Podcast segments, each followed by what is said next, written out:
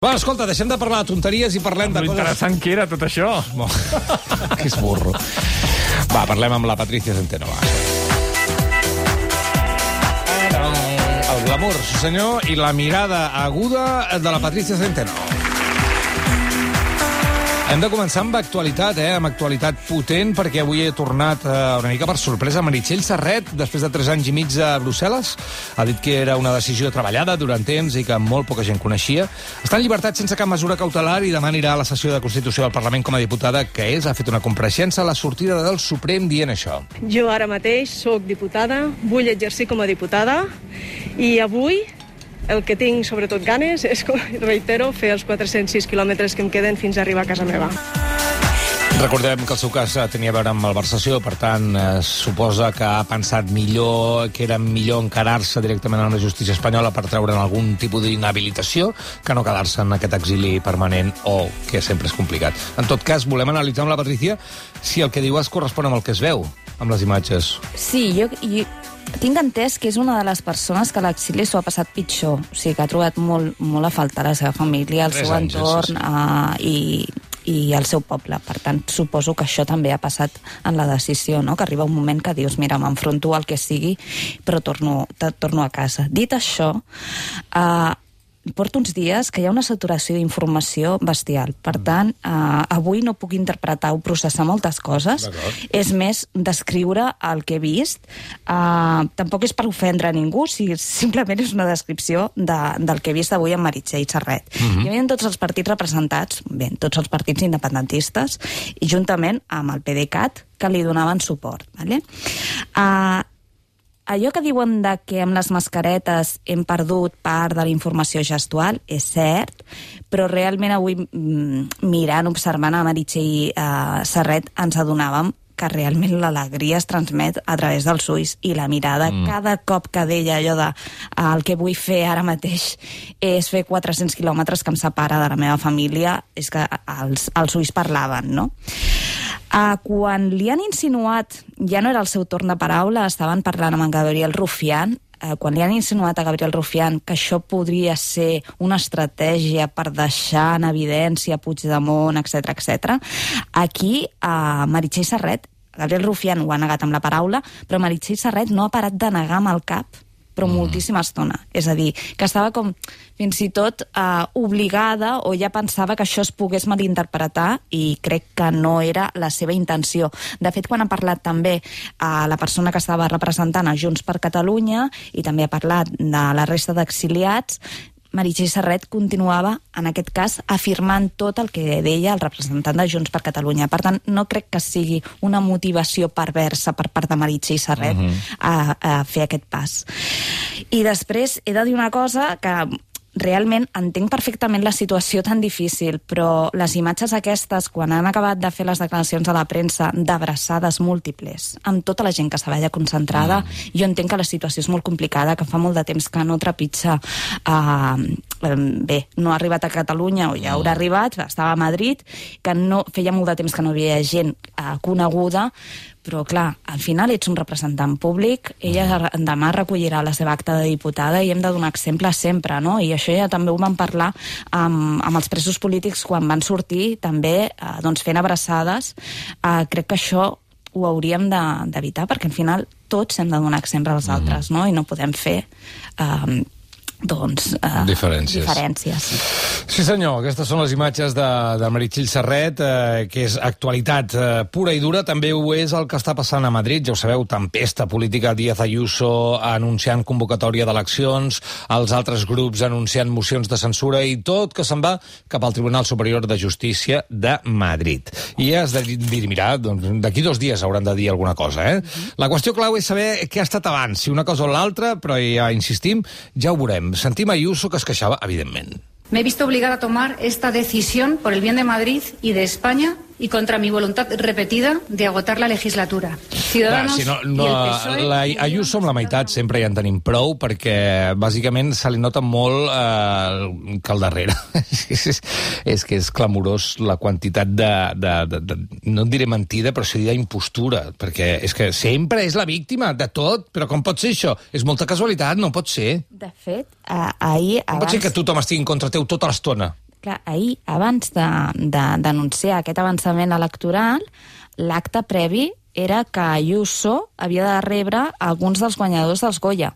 I doncs la fotografia és uh, Ayuso sostenint el, el Goya, el premi. A la mejor. I era com, mm. vale, a la mejor que dramatització, a la millor pitjor actriu, a la, a la millor victimització, perquè realment és això, o sigui, sempre és víctima de tot. I, i ahir va coincidir també que a la tarda, eh, sé que no mireu eh, aquest tipus de programes, però clar, sí. es va fer viral i jo em vaig veure obligada a veure aquesta entrevista. Eh, després vaig tenir problemes per dormir, vaig tenir malsons i tot, però hi havia com, hi ha una secció dins de, del programa de Sálvame Telecinco amb Maria Teresa Campos, que li feia una entrevista, començava la seva secció, ah, aquesta estrena, Twitter, amb, amb Ayuso, i a mi el que em va fascinar és que deia de bajanades. Impressionants. Dius, eh, no pot ser. O sigui, no l'aturava, eh? No, la... no l'aturava, no, i fins i tot l'envalentonava, perquè li anava donant que sí. O sigui, Maria Teresa Campos està gran, eh? Això ho he de dir. No, no gran físicament, sinó sí, sí. Uh, mentalment, uh, allò no, no, no, no, no, no té cap ni peus. Però, però ella, la Ayuso, anava dient bestieses mm. i el seu llenguatge corporal era coherent amb tot allò que deia. És a dir, que Vols dir que se les creu, sí, sí. Sí, sí, sí. sí. Mm -hmm. És a dir, que ha arribat a un punt en què, jo sempre dic el, el mateix, no? O sigui, un actor s'ha de posar en el paper de l'altre, no? Oh, això ho sap el David, clar. Has de fingir, has de fingir. Clar, jo crec que la pausa no, o el descans d'un actor és quan el director diu prou, tallin, no? I aquí descansa mentalment, perquè clar, si t'emportes el personatge 24 hores, 365 dies a l'any, allò ja deriva en una enfermetat mental psiquiàtrica. Mm. I, I hi ha casos, com pot ser el de Donald Trump o el de Díaz Ayuso, que es veu perfectament aquest, aquest tipus de trastorn. I, I ahir, escoltant Ayuso, passava una mica això. Ara, també és veritat que en el seu llenguatge corporal, normalment, Ayuso, eh, com és molt incendiària i és molt temerària, eh, no se li aprecia nerviosisme en el seu llenguatge mm-hmm. corporal. Mm -hmm. I ahir sí. Mm. Ahir quan va arribar, clar, tothom ens, ens mostra les declaracions, ja quan estava parlant. Penseu que estava llegint, clar, és molt més fàcil quan estàs mm. llegint. Però prèviament, quan arriba, um, va haver-hi com una espècie de comèdia, perquè arriba ella, l'estaven esperant els altres membres de, del, seu, del seu govern, i uh, diu, bueno, eh, vamos a dejar que se recoloquen los càmeres. Que jo crec que els càmeres ja feia una hora que estaven esperant-la. I doncs van fer com una espècie de corrillo, i allà ella se li va veure molt nerviosa. Portava botes, ahir portava una faldilla amb una brusa i unes botes, i no parava amb el peu esquerre i què la posa nerviosa, doncs? Que qüestionin el seu poder no, o...? Jo crec que l'estratègia en si. Jo crec que no estava massa convençuda de l'estratègia i del que, mm -hmm. el que anava a anunciar. No parava d'això de, de posar-se les mans a les butxaques, mm -hmm. um, creuar-se, plegar-se de braços, rascar-se els cabells, posar-se la camisa per dins, després per fora... És a dir, que estava molt, molt, molt neguitosa. Home, clar, perquè és que és una aposta que no té un resultat segur en el seu cas, no? Escolta, això que deies de la diferència entre algú que diu mentides i mm. que el cos sempre mm. diu la veritat mm i que de vegades el cos també diu el mateix que està dient la, les paraules, per tant, vol dir que la persona s'ho creu. Pot ser que, igual que algú pot saltar-se un detector de mentides, pot ser que algú sàpiga que està dient una mentida, però hagi insinistrat de tal manera el seu cos que també digui una mentida amb el cos sense que se l'estigui creient? És la pregunta, és la pregunta de, feta des del periodisme. El Paul Ekman, que és el màxim uh, investigador en el tema de la mentida a través del llenguatge corporal, uh, diu que no. Que sempre hi ha... Sempre hi ha un petit microgest mm. que demostra que aquella persona està mentint. Sí. El llenguatge corporal no el pots controlar. Mm -hmm. És a dir, sí que pots controlar els gestos més evidents. I doncs amb això, eh, tant els actors, les actrius o fins i tot els actors polítics poden fingir Ara, arriba un punt en què ja no, i per això dic que a mi el que m'espanta és que hi ha que hi polítics... Sí, que ja coincideix no? el cos... Que, clar, ah, sí, sí. Que, que, que es creuen la seva pròpia mentida, no? Mm -hmm. I això, quan ha coincidit, en molts casos, al final la, ens ha portat molts problemes a, a la societat. Perquè normalment és gent, doncs això, que té, ah, i ja ha arribat a un punt on ja és una enfermetat mental i hi ha un tipus de trastorn mm -hmm. que hauria de ser tractat.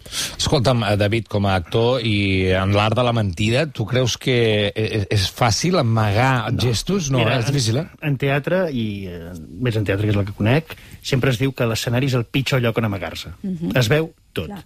Llavors, si tu corporalment vols intentar mentir, pots fer dues coses. Una, saps què? Diré mentides, però no em bellugaré.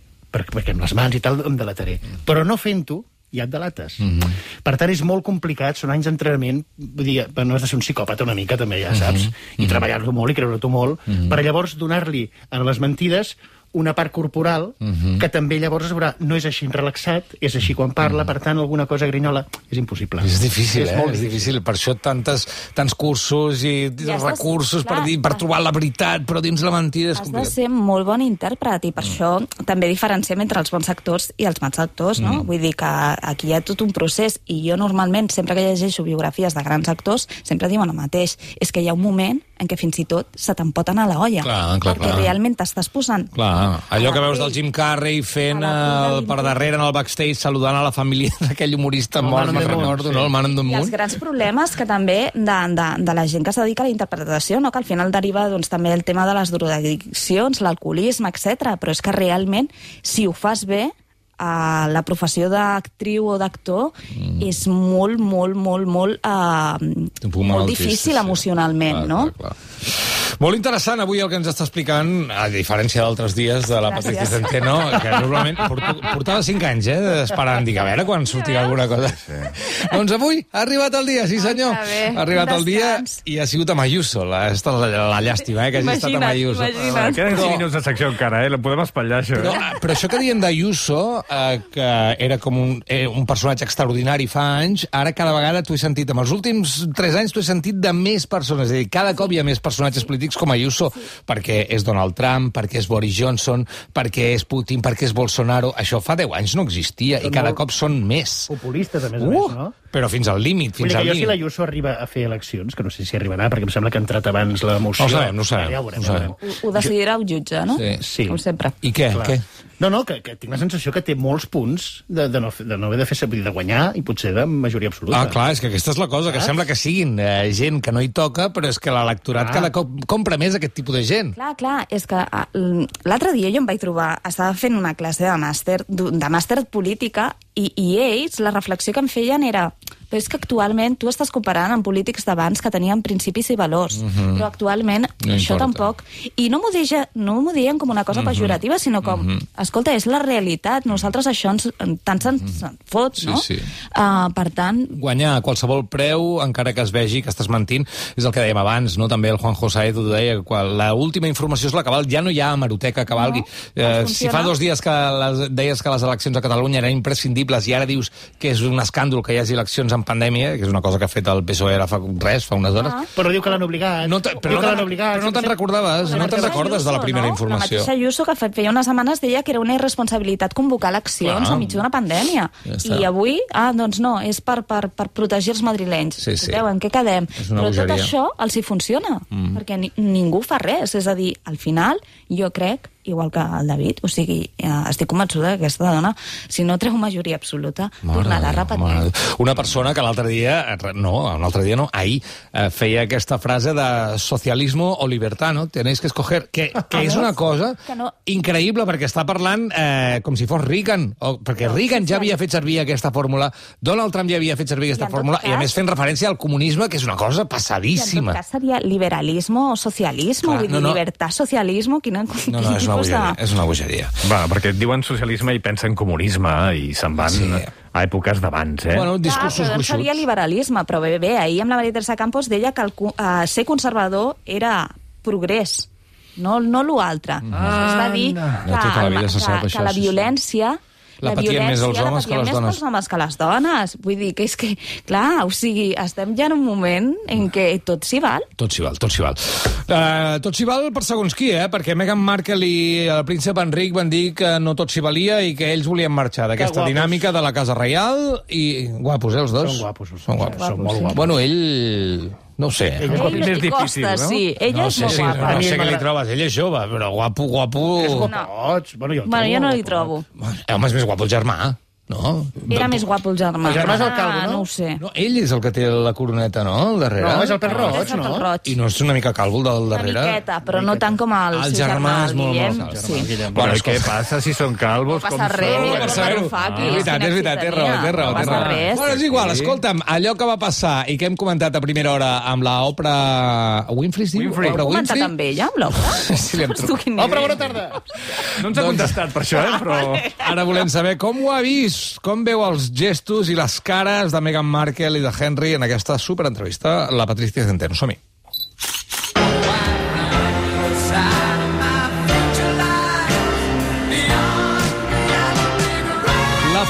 reial britànica està trista i preocupada per l'entrevista televisiva de la Meghan i l'Enric dient això.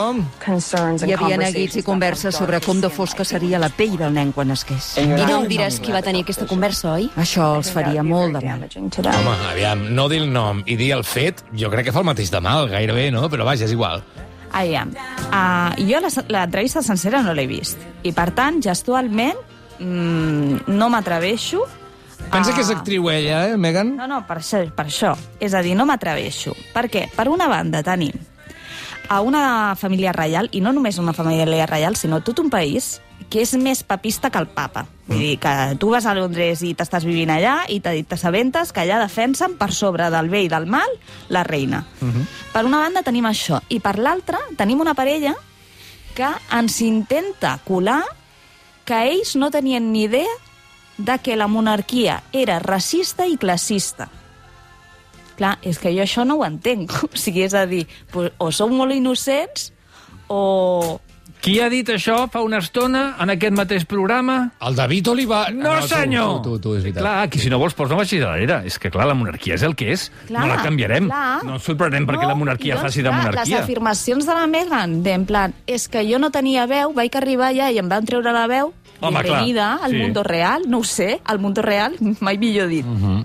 Això per una banda. L'altra, a tots els anàlisis que he vist, o, els, o sí, o, o la preparació del tema cap a l'anàlisis de la Meghan Merkel i de la seva entrevista amb l'Oprah és ella és dolenta perquè ha convençut el príncep Harry de que s'allunyi de la seva família. Uh -huh. Això ja ho havíem vist ho havien vist les persones que hi eren en aquell moment, jo no, però amb el, amb el qui no va ser rei, que era a, a Eduard VIII, a, que va, se suposa que va abdicar per amor a, a la Wally Simpson. Amb una americana es va casar, I en, aquest, divorciada. I en aquest sentit, l'altre dia, el més polèmic de l'entrevista, una de les coses més polèmiques visuals, perquè clar, tot el que vam de, uh, uh, deixar anar, era el vestit de la Meghan Merkel. Com anava vestida la Meghan Merkel? Que portava un vestit negre d'Armani de 4.700 euros Carai. amb una flor de lotus al, a, a, aquí al front. Al, Sí, a la banda dreta de l'espatlla, sí. que es veia tota l'estona, és a dir, que Mm. ella, que controla les posades en escena com ningú ho sabia, Sí. s'assemblava molt Aviam, aquí. a un, A una de la, vaig posar jo. a un de la Wally Simpson. Wally Simpson. Clar, i doncs aquí ja els hi han, don, ja els, hi- ja els hi ha Perdona, anat qui és Wally Simpson? la, la dona per la qui va advi- abdicar Sí. Eduard VIII i no va Joli. ser rei. Home, noi, què et penses que ho he de saber jo, això? Ho acaba de dir. Ah, perdó, no l'escoltava. No, és que estava mirant el mòbil. Perdó. No t'etxives? Vale. Home, però- mira l'actualitat, eh? Vale. Uh, vale. Doncs anava amb aquest vestit i doncs tothom Quin vestit? ha començat a dir el d'Armani, de 4.700 Sí, sí, sí, sí. euros, de la flor de lotus, que el lotus, la flor aquesta, vol dir que és, um, és una flor Verí. que uh, ressorgeix mm. en els indrets més complicats. Ah, o sigui, hi havia quin rere missatge, fons un Megan. missatge, sí, un missatge.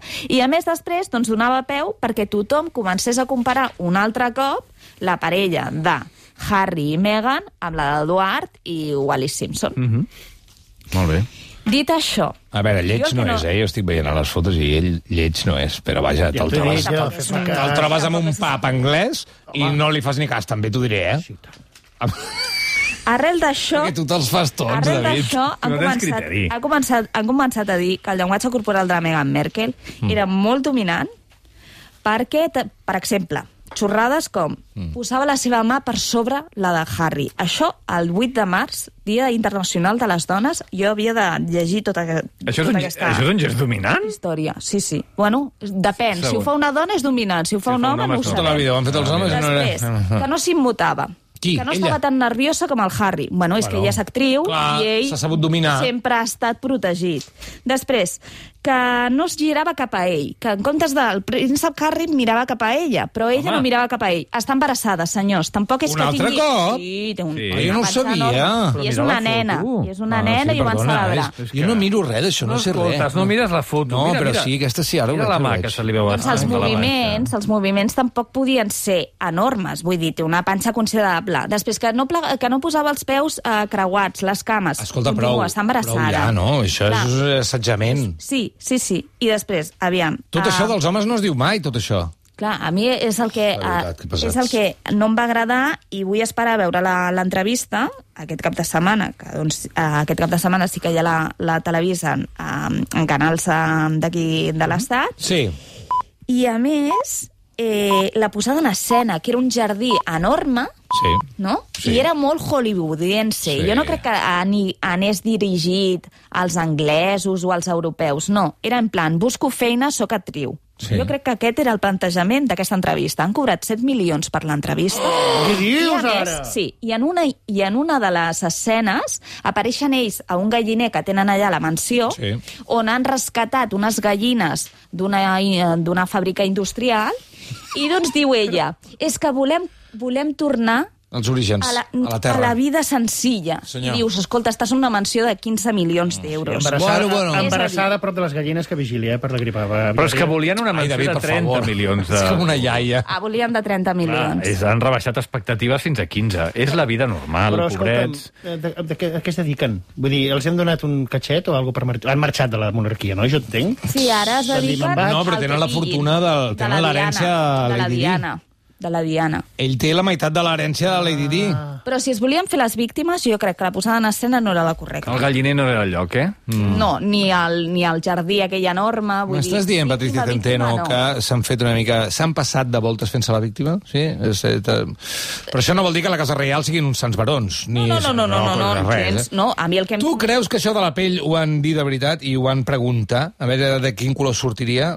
És que eh, jo me'n recordo... Ara no recordo el, el, el familiar directe de la Casa Reial, però jo me'n recordo que el dia que van presentar la Meghan Merkel, així en plan, eh, era un, un, una trobada familiar, una d'elles portava un, un brotxe eh, racista, com vam comentar aquí. Per tant, sí, són racistes, són classistes, però és que és una monarquia, què volen, què esperen? I perquè ella ja reina, és Isabel II, però si fos aquí diríem que també són masclistes, i tant. Parlant de reina, no sé si la vas penjar tu, la fotografia, vaig veure una Twitter del casament mm. de la Meghan amb la seva... Bueno, Amb la seva mare? sogra, no? La sogra, no? era? Ah. La reina és la sogra? Sí. Mirant... No, la reina No, no, és la no, sogra, és la- no és la l'àvia Ah, del i és l'àvia d'ell, del del seu marit, Val, sí. Vale, què? Doncs No- no sogra. mirant-la, ella difuminada, però la, el focus està en la reina, mirant-se-la, No amb, crec- amb una cara de... Però això és una foto. No crec que Bueno, sigui, però- no crec que sigui ell la reina, eh, la racista. Jo crec que no va per aquí, perquè de fet jo sí que he vist gestos de la reina Isabel cap a Meghan Merkel que no li he vist, per exemple, cap a la Kate Middleton, que acabarà sent reina. Per tant, Ja. tenia preferència per Meghan Merkel. Ui, la no Kate. crec Aquesta sí la que em fa por. Aquesta no m'agrada. Lagarta, lagarta, eh? que la va fer plorar, diu la Meghan. Ah, això, això, això ho vaig llegir. Ja ho sabrem. La setmana que ve us explico si és veritat, la versió de la Meghan o de la Kate. D'acord, estarem impacients. Patricia Centeno, moltíssimes A gràcies. vosaltres.